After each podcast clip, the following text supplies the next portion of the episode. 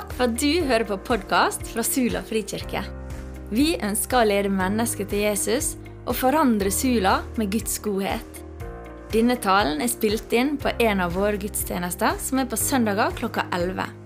Vil du vite mer om oss, finner du mer info på Facebook eller på sulafrikirke.no. Du er alltid velkommen til Sula frikirke. Vi snakker om identiteten identitet denne våren her. Vi snakker om hvem vi er i Kristus. Og Vi har vært gjennom eh, mange forskjellige aspekter av det allerede. Vi har snakket om at vi er Guds sønner og døtre, at vi er arvinger til Guds rike, at vi er skapt i Guds bilde for å representere Han her på jorda. Eh, og I dag så skal vi snakke om vår identitet som et kongelig presteskap. Og Vi skal lese fra 1. Peters brev, kapittel 2, vers 9. Men dere er en utvalgt slekt, et kongelig presteskap, et hellig folk, et folk som Gud har vunnet for at dere skal forkynne Hans storverk. Han som kalte dere ifra mørket og inn i sitt underfulle lys. Vi er et kongelig presteskap. Jeg vet ikke om du har tenkt om deg sjøl som det. At du, er, at du er en kongelig prest. Det er det Bibelen sier om oss. Vi er kongelige fordi vi er sønner og døtre ved Jesus. er vi sønner og døtre av Gud, kongen. Og Det betyr at vi er prinser og prinsesser, om du vil kalle det det. Og så er vi et kongelig presteskap. Og Denne teksten i 1. Petters brev viser tilbake igjen til de ordene som Gud sa til israelsfolket eh, når han inngikk pakten med dem på Sinai-fjellet i 2. Mosebok kapittel 19. Eh, og Da blir israelsfolk, jødefolket, det blir Guds eiendomsfolk. Sant? sier han disse ordene om over israelsfolket. Dere er et hellig folk, en utvalgt slekt, et kongelig presteskap. Og nå, ved Jesus, så er også det blitt vår identitet. Vi har fått del i denne utvelgelsen. Vi har fått del i disse løftene. Denne identiteten, at vi er ei utvalgt slekt. At vi er et kongelig presteskap. At vi er et hellig folk. Det er, det er hvem vi er i Kristus, hvem vi er i Jesus. Ved å tilhøre Kristus og være i Han. Vi er et folk som Gud har vunnet til seg for at vi skal forkynne Hans storverk. Vi er kalt ut av mørket og inn i Hans lys for å spre lys i mørket. Og lys det er jo ikke noe som vi trenger å ta oss sammen for å være. Lys det er bare noe vi er. Hvis du er lys, så skinner du. Det er bare sånn det er. Per def. Og på samme måte er vi hellige ikke ved at, vi pusser, at jeg pusser på mitt liv, sånn som du pusser sølvtøy for at det skal skinne mest mulig, og ta meg sammen. Nei, jeg er hellig fordi jeg tilhører Jesus. Jeg er utskilt, satt til side, innviet til Gud for, for verden ved Jesus og ved Jesu blod. Og Det er ganske fantastisk. Det er store ting. Han har altså kalt oss ut av mørket, inn i sitt underfulle lys. Og Så leser vi i Nyttestamentet at Jesus er verdenslys. Og Så sier også Jesus om oss at dere er verdenslys. Matteus 5,13. Dere er verdenslys. For sånn han er, sånn er vi i denne verden. 1. Johannes brev 4,17. For sånn han er, sånn er vi i denne verden. Vi er hans kropp i denne verden. Vi er utvalgt slekt, hellige, satt til side for å representere han. Et kongelig presteskap. Så står det om Jesus i apostelgjerningene 10.38 at Jesus fra Nasaret ble salva av Gud med Hellig ånd og kraft, og han gikk omkring overalt. Og gjorde vel og helbreda alle som var under kua av djevelen, fordi Gud var med ham. Jesus kom for å gjøre ende på den ondes gjerninger. Han kom for å sette fri alle mennesker som var under kua av djevelen. Og Det er også vårt oppdrag, for som han er, sånn er vi i denne verden. Og Hvis det er vårt oppdrag, så trenger vi også å kjenne vår fiende. Vi trenger å kjenne vår fiende. Akkurat som Ukraina i disse dager trenger å få eh, informasjon fra andre allierte om hva Russland holder på med. Kjenne sin fiende for å kunne forsvare seg. for å kunne, sant? Vi trenger å kjenne vår fiende. Ikke for at vi skal fokusere for mye på han, sånn at han blir oppblåst, sånn at han blir større enn den han er i vårt sinn. Nei. Men for å kunne avsløre djevelens sleipe måter å angripe oss på. For at vi kunne stå bedre rusta i tjenesten vår med å representere Gud og forkynne Hans store verk. Så La oss gå til et vers i eh, Johannes evangeliet kapittel 10, vers 10. For å få litt bedre grep på dette her. Tyven kommer bare for å stjele, drepe og ødelegge, sier Jesus. Men jeg, jeg er kommet for at dere skal ha liv og overflod. Og Dette lille verset er en nøkkel til å forstå fiendens agenda og Jesu agenda. Jesus gir alltid liv og overflod. Han har kommet for å velsigne ditt liv. Jesus gikk rundt overalt og gjorde vel, gjorde godt. Han brakte Guds rike, Guds himmelrike nær. Jesus kommer alltid for å velsigne og gi liv, sette i frihet og gi av de andre åndens frukter som vi kan lese om. ikke sant? Glede, kjærlighet, fred, overbærenhet osv. Jesus vil fylle ditt liv med det som er godt. Satan derimot er Guds fiende. Han vil alltid prøve å stjele ifra oss. Han vil drepe, han vil ødelegge. Du ser det i fullskala krig sånn som vi har i verden nå. Hvor han ødelegger byer, hvor han dreper uskyldige mennesker. Hvor han stjeler fra mennesker deres hjem, deres trygghet, deres eiendom osv. Men den samme kampen fins fordekt og skjult og i mye mindre skala i hvordan han prøver å stjele og drepe og ødelegge i ekteskap, i familier, mellom venner osv. Og Hvis du er oppmerksom, så vil du kanskje også finne igjen noe av den samme kampen i ditt sinn. Han vil prøve å stjele fra oss vår identitet. Hva som skjer? Jeg må flytte han så jeg ikke sparker han ned. Det var en avledningsmanøver. Det var godt ment. Jeg tar det.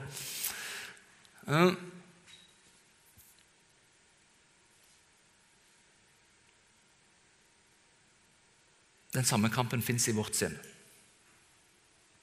Han vil prøve å stjele fra oss vår identitet, gjøre oss usikre på hvem vi er, på vår verdi, på hvorfor vi er her på hva vårt oppdrag er. Han vil prøve å drepe vår frimodighet, sånn at vi ikke våger å gå oppreist og se mennesker i øynene. Han vil, han vil drepe brannen vår i hjertet. Han vil drepe kjærligheten til Gud og til mennesker rundt oss.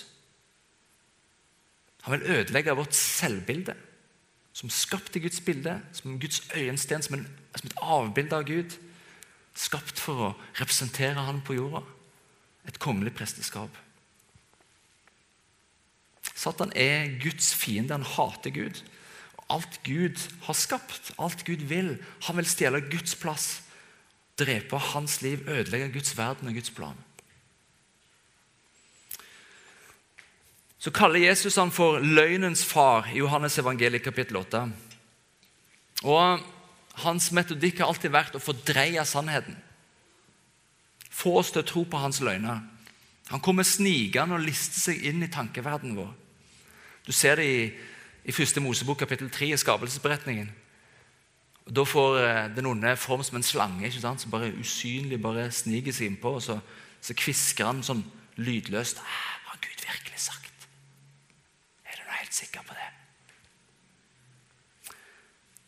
Så vil han også prøve å innprente løgntanker og andre verdier å leve etter enn det som er Jesus sine i oss.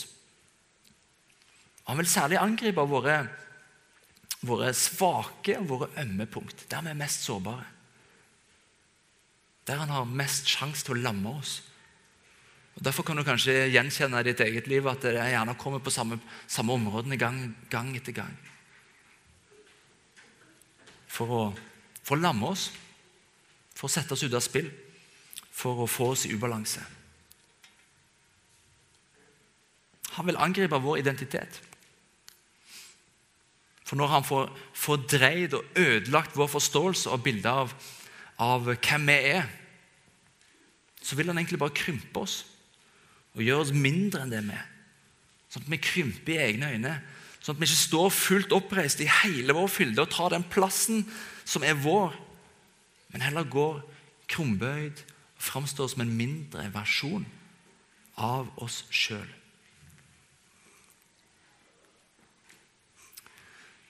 I Lukas evangeliet kapittel 4 Hvis du leser Bibelen med oss var vi innom denne teksten tidligere denne uka. Lukas evangeliet kapittel 4 anbefaler dere å lese Bibelen med oss. Men Der prøver djevelen seg på Jesus. Han prøver å rokke ved Jesus sin identitet. Og To av de tre på en måte angrepene som kommer fra djevelen på Jesus, er, er direkte knytta til Jesus sin identitet. Sant? Hvor eh, Satan kommer og spør er du virkelig Guds sønn. Er du virkelig Guds sønn? Du viser det jo ikke. Du kan jo gjøre disse steinene til brød. Du er jo sulten. Kom igjen, vis det. Er du ikke Guds sønn? Du kan jo ikke være Guds sønn, han som skal frelse verden. Sant? Han rokker med Jesus sin identitet. Fordi Han visste at hvis han klarte å rokke ved Jesus sin identitet, så fikk han også dreid Jesus bort fra det som er Jesus sitt kall og oppdrag. Og Det samme gjelder oss. Om Satan prøver å rokke og ramme Jesus' identitet, så kan vi være sikre på at han prøver å ramme og rokke oss og vår identitet. Og Jeg sier ikke dette for at vi skal være redde og bekymra, for vi har ingen grunn til å frykte ham. I Jesus vi, har vi vunnet full seier. Ja. Han sier oss mye sterkere enn han sier verden, så ikke vær redd. Men jeg sier det for at vi skal kunne være klar over og kunne avsløre og ta hans løgntanker til fange. Avsløre dem og ta dem til fange, sånn at de ikke kan få makt over oss. Så hvordan forsvarer vi oss? Hva er det Jesus svarer med i Lukas 4? Han svarer med Guds ord. Han svarer med sannheten. For sannheten setter oss fri. Vi trenger å kjenne Guds ord, vi trenger å leve i Guds ord, vi trenger å ta til oss Guds ord for å kjenne sannheten, for at sannheten skal fylle oss, fylle tankene våre, sinnet vårt. Eh, sånn at vi ikke går på pinnen og blir lurt av disse lumske angrepene. Og Som Efeserbrevet kapittel 6 vers 14 sier at det, stå da fast, står det. Ikke la de rokke. Han ber oss ikke liksom gå til angrep, men bare stå fast. Stå fast. Bruk troens skjold. Bruk åndens sverd, Guds ord. Sannheten. Hold fast på Guds ord. Hold fast på Guds løfte og hvem du er. Bruk Jesu navn. Fins ikke noe større navn under himmelen. Fins ikke noe mektigere navn. I hans navn er det autoritet. Og for Jesu navn så viker den onde. Så væpne deg med hva som er Guds ord, og hva Guds ord sier om hvem du er i Jesus. Du er skapt i hans bilde, at du er hans sønn, hans datter, at du er et kongelig presteskap. Bli sterk i Herren.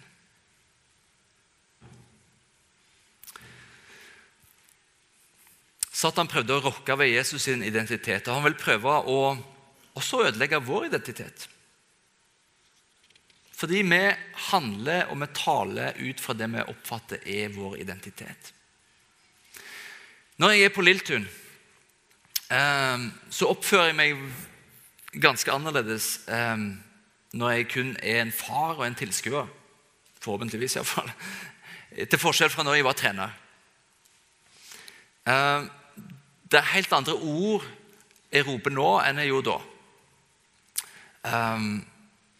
Det er helt andre handlinger jeg gjør når jeg står oppe på tribunen og ser på, enn jeg sto på sidelinja og skulle lede laget.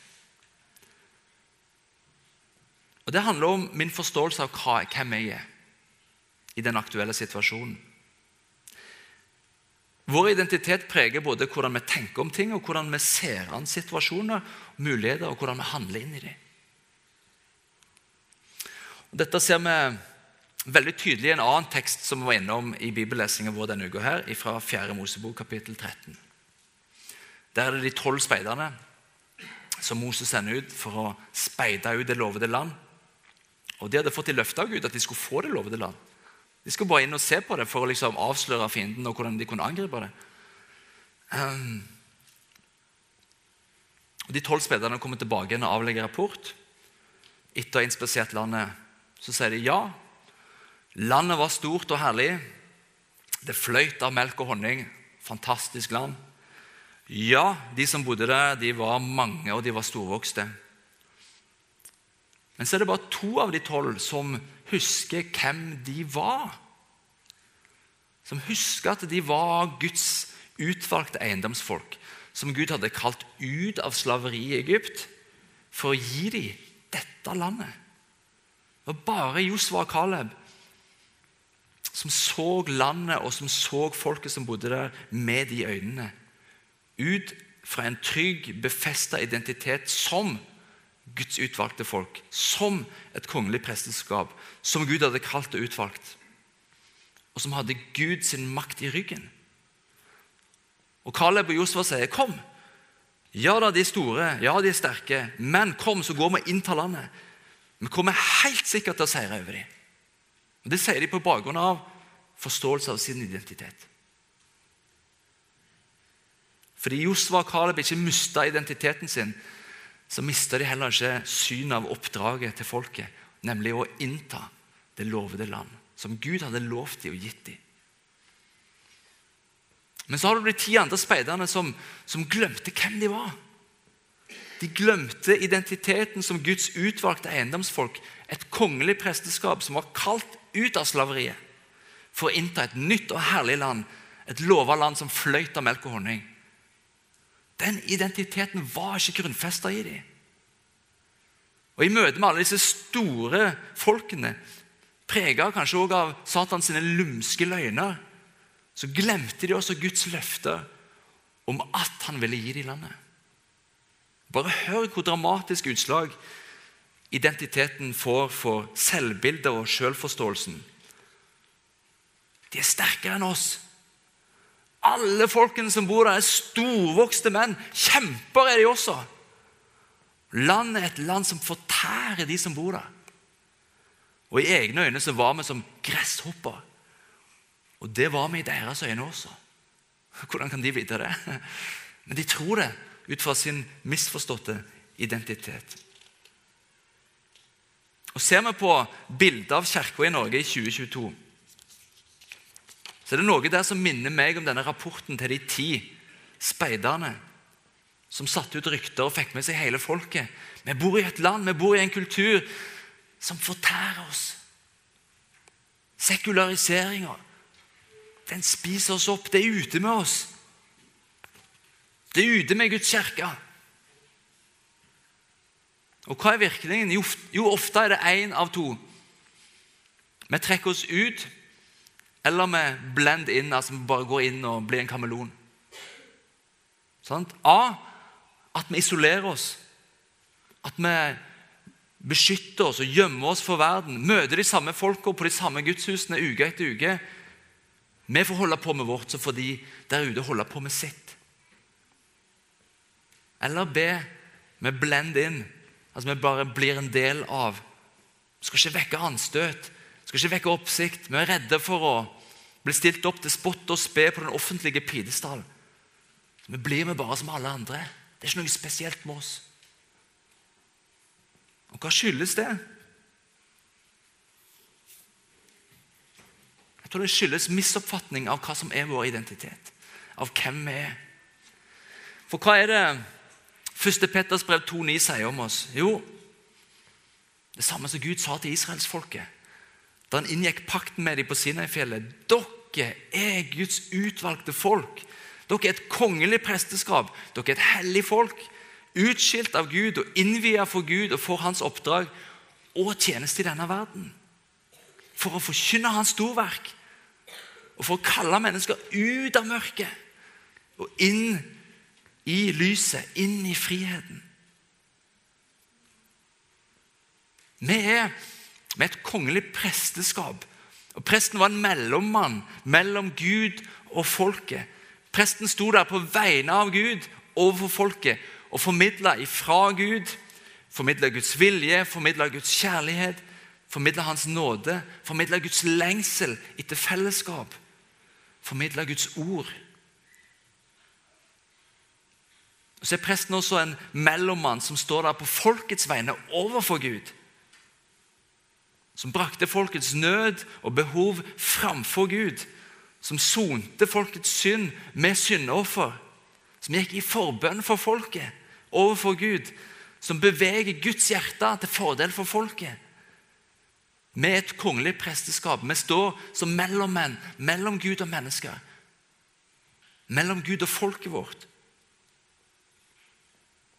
Med et kongelig presteskap. Det betyr at vi ikke gir opp folket rundt oss. Vi gir ikke opp samfunnet, vi gir ikke opp verden vi lever i. Nei, Vi går i forbønn for verden vi lever i. Vi er prester, som Moses, som Gud bruker til å føre mennesker ut av slaveri og inn i et lova land. Ut av slaveri og inn i frihet. Vi er mellommenn som leder mennesker til Jesus. Til et liv hvor det er liv, hvor det er overflod, hvor det er melk og honning. Vi er mellommenn som bringer håp til mennesker inn i håpløse situasjoner. Vi er mellommenn som, som forandrer Sula med Guds godhet.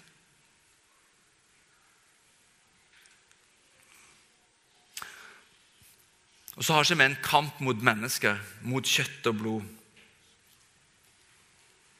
men mot eh, tankebygninger, åndskrefter. Vi har heller ikke en kamp mot Satan, han, fordi Herren kjemper for oss. Vi skal stå fast i Han. Vi skal stå fast i identiteten Han har gitt oss. At vi er et kongelig presteskap. Vi inntar landet sånn som Jesus gjorde det. Han som gikk omkring overalt og gjorde godt. Og som satte fri de som var under kua av djevelen. Vi vil forandre Sula med Guds godhet. Hvordan gjør vi det? Og gjennom å elske mennesker. Vi driver bort mørket, og vi gjør det med lys. Vi driver bort Satans festningsverk, og vi gjør det med Guds godhet og med Guds kjærlighet. Vi gjør det med å være de vi er i Han. For hva er vår identitet? Jo, vi er et kongelig presteskap med en utvalgt slekt, med et hellig folk som han har vunnet. For at vi skal forkynne hans storverk i denne verden. Og Kan vi ikke som en avslutning bare, bare ta og reise oss? Så Jeg har lyst til å lese noe fra Guds ord over oss, så jeg har lyst til å be inn i oss som folk. Og Ta imot det der du står. Ta imot det du kjenner treffer deg, og det du trenger. Jeg har lyst til å lese fra Jesaja 60. Reis deg. Bli lys. For lyset ditt kommer. Herrens herlighet går opp over deg. Se mørket dekker jorda, skodde dekker folkene men over deg går Herren opp. Hans herlighet viser seg over deg. Folkeslag skal gå mot ditt lys. Konger skal gå mot din soloppgang. Så ta imot lyset fra Herren. Ta imot lyset fra Herren til å gå på mørke steder med hans lys. For å lyse opp for mennesker, så de kan se sin sanne identitet, se sin verdi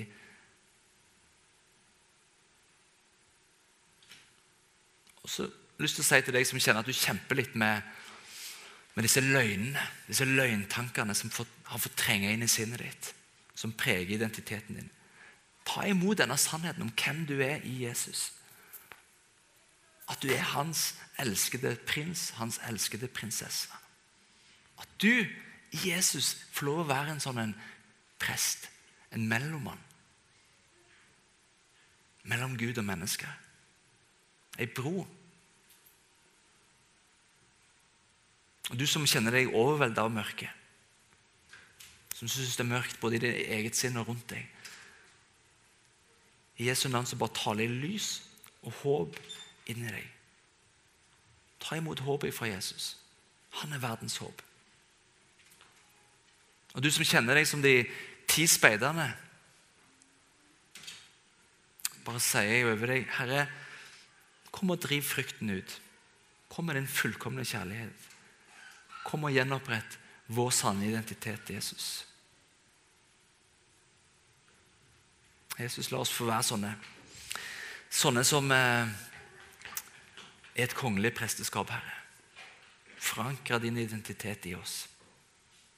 La oss få ikke gå krumbøyde rundt i vår verden, men la oss få reise oss i vår fulle identitet av hvem vi er. Kom og rett opp ryggene våre, Herre.